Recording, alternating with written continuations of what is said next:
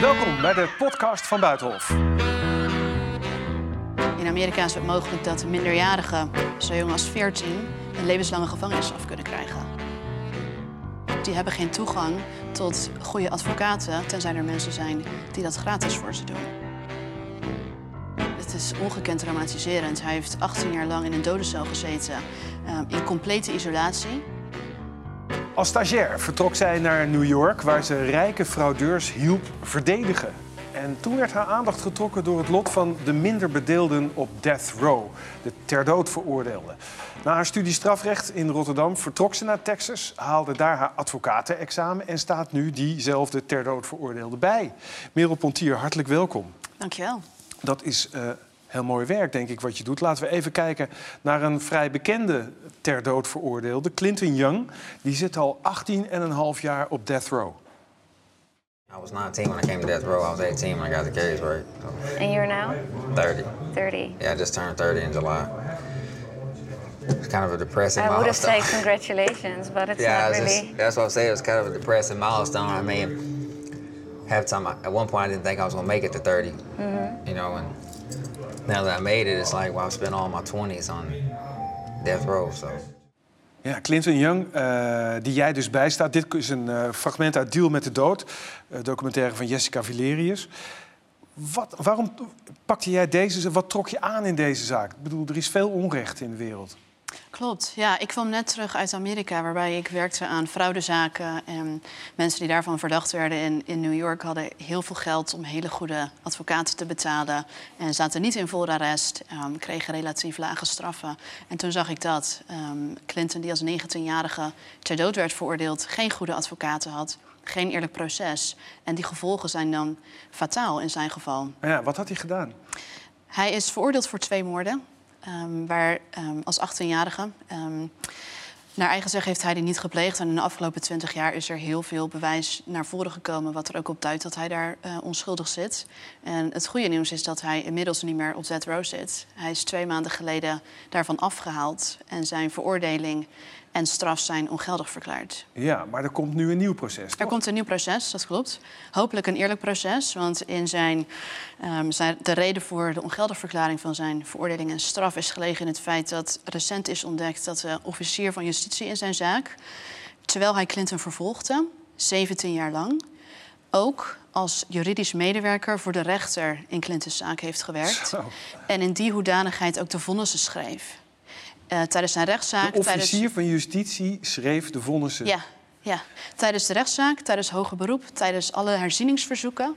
17 jaar lang heeft hij dat gedaan. Ja. En dat is 17 jaar lang geheim gebleven, tot recent dat aan het licht is gekomen. Dat is niet echt scheiding der machten. Nog heel even over, over deze Clinton Young.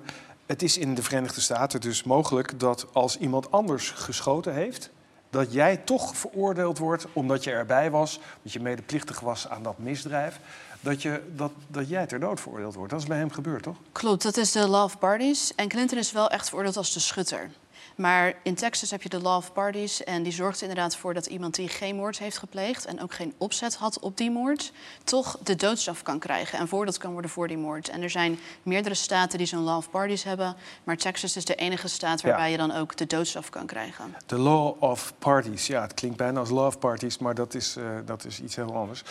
Dit, als dit je gebeurt, 18 jaar in die dodencel, kun je nog, kun je, kun je nog terugkeren in de samenleving eigenlijk, als je dat hebt meegemaakt?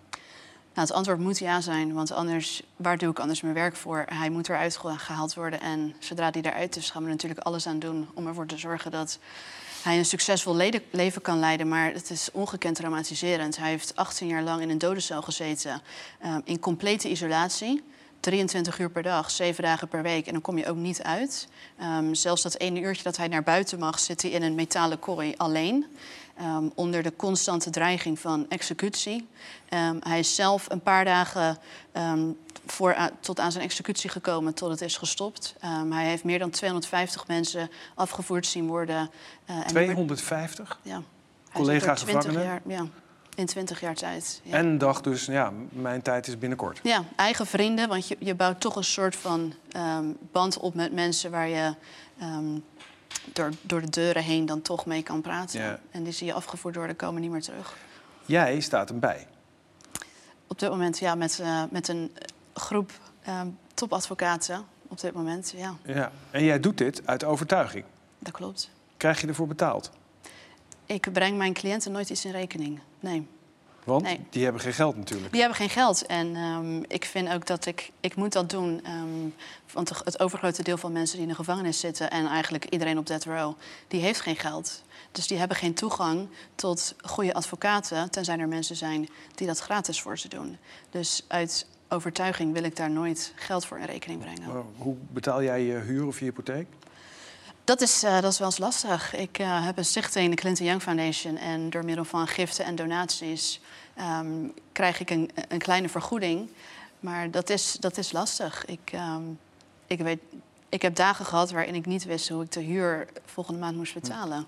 Jij hebt ook hier in Nederland bij het Openbaar Ministerie gewerkt, hè? Dat klopt.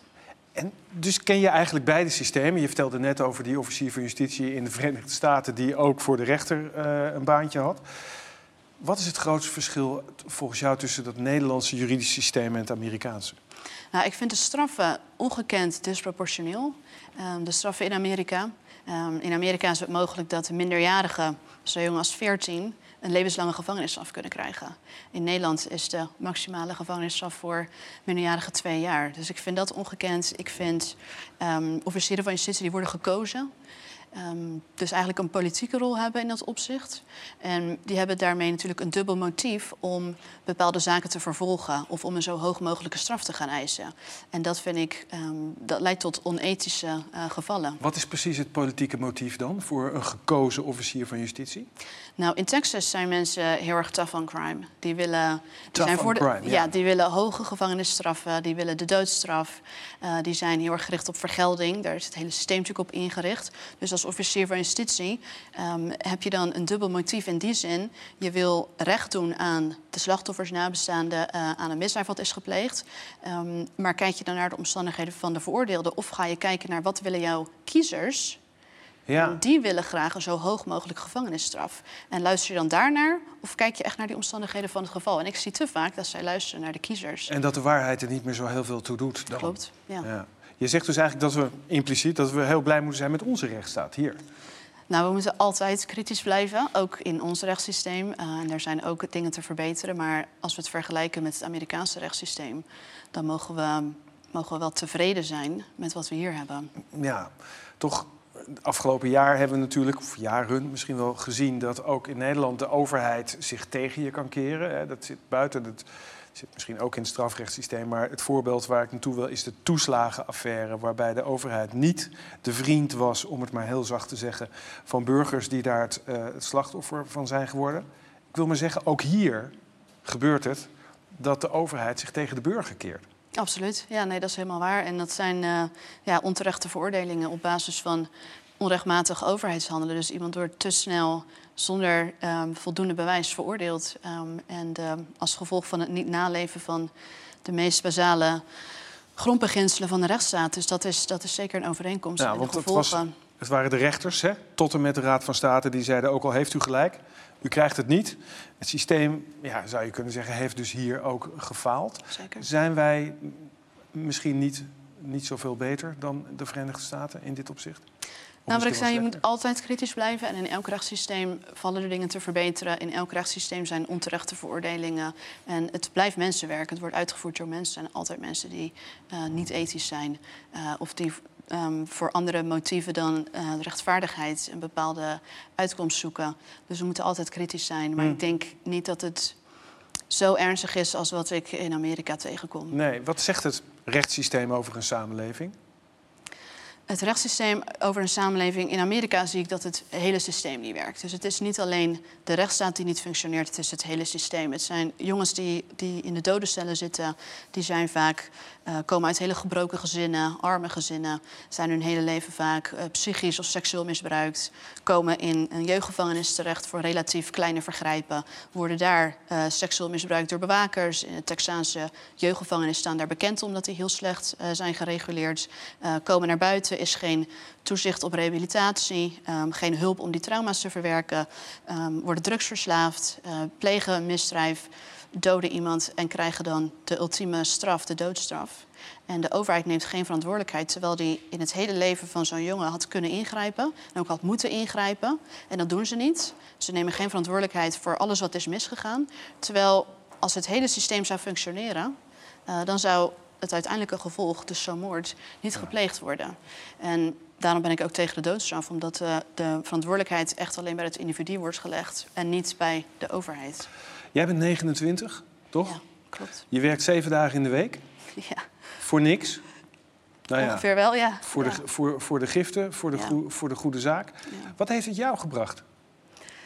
Nou, wat voor mij waar, um, waard maakt zijn de gesprekken die ik heb met, met cliënten, met mensen die in de dodencel zitten. Als ik uh, op bezoek ga, um, dat ik dan van de cliënt hoor, Merel, ik ben zo blij dat ik even een uurtje uit die cel mag. Dat ik even met iemand kan praten die me niet als moordenaar behandelt. Of dat ik een kaartje krijg van iemand die zegt, Merel, dank je wel voor alles wat je doet. Ik heb al 25 jaar geen advocaat gehad en je bent de eerste die voor mij vecht. En um, dat motiveert enorm en daar doe ik het voor. Oké, goed. Dankjewel. Ik wens je ook heel veel succes met het mooie werk dat je doet. Merel Pontier, dank je.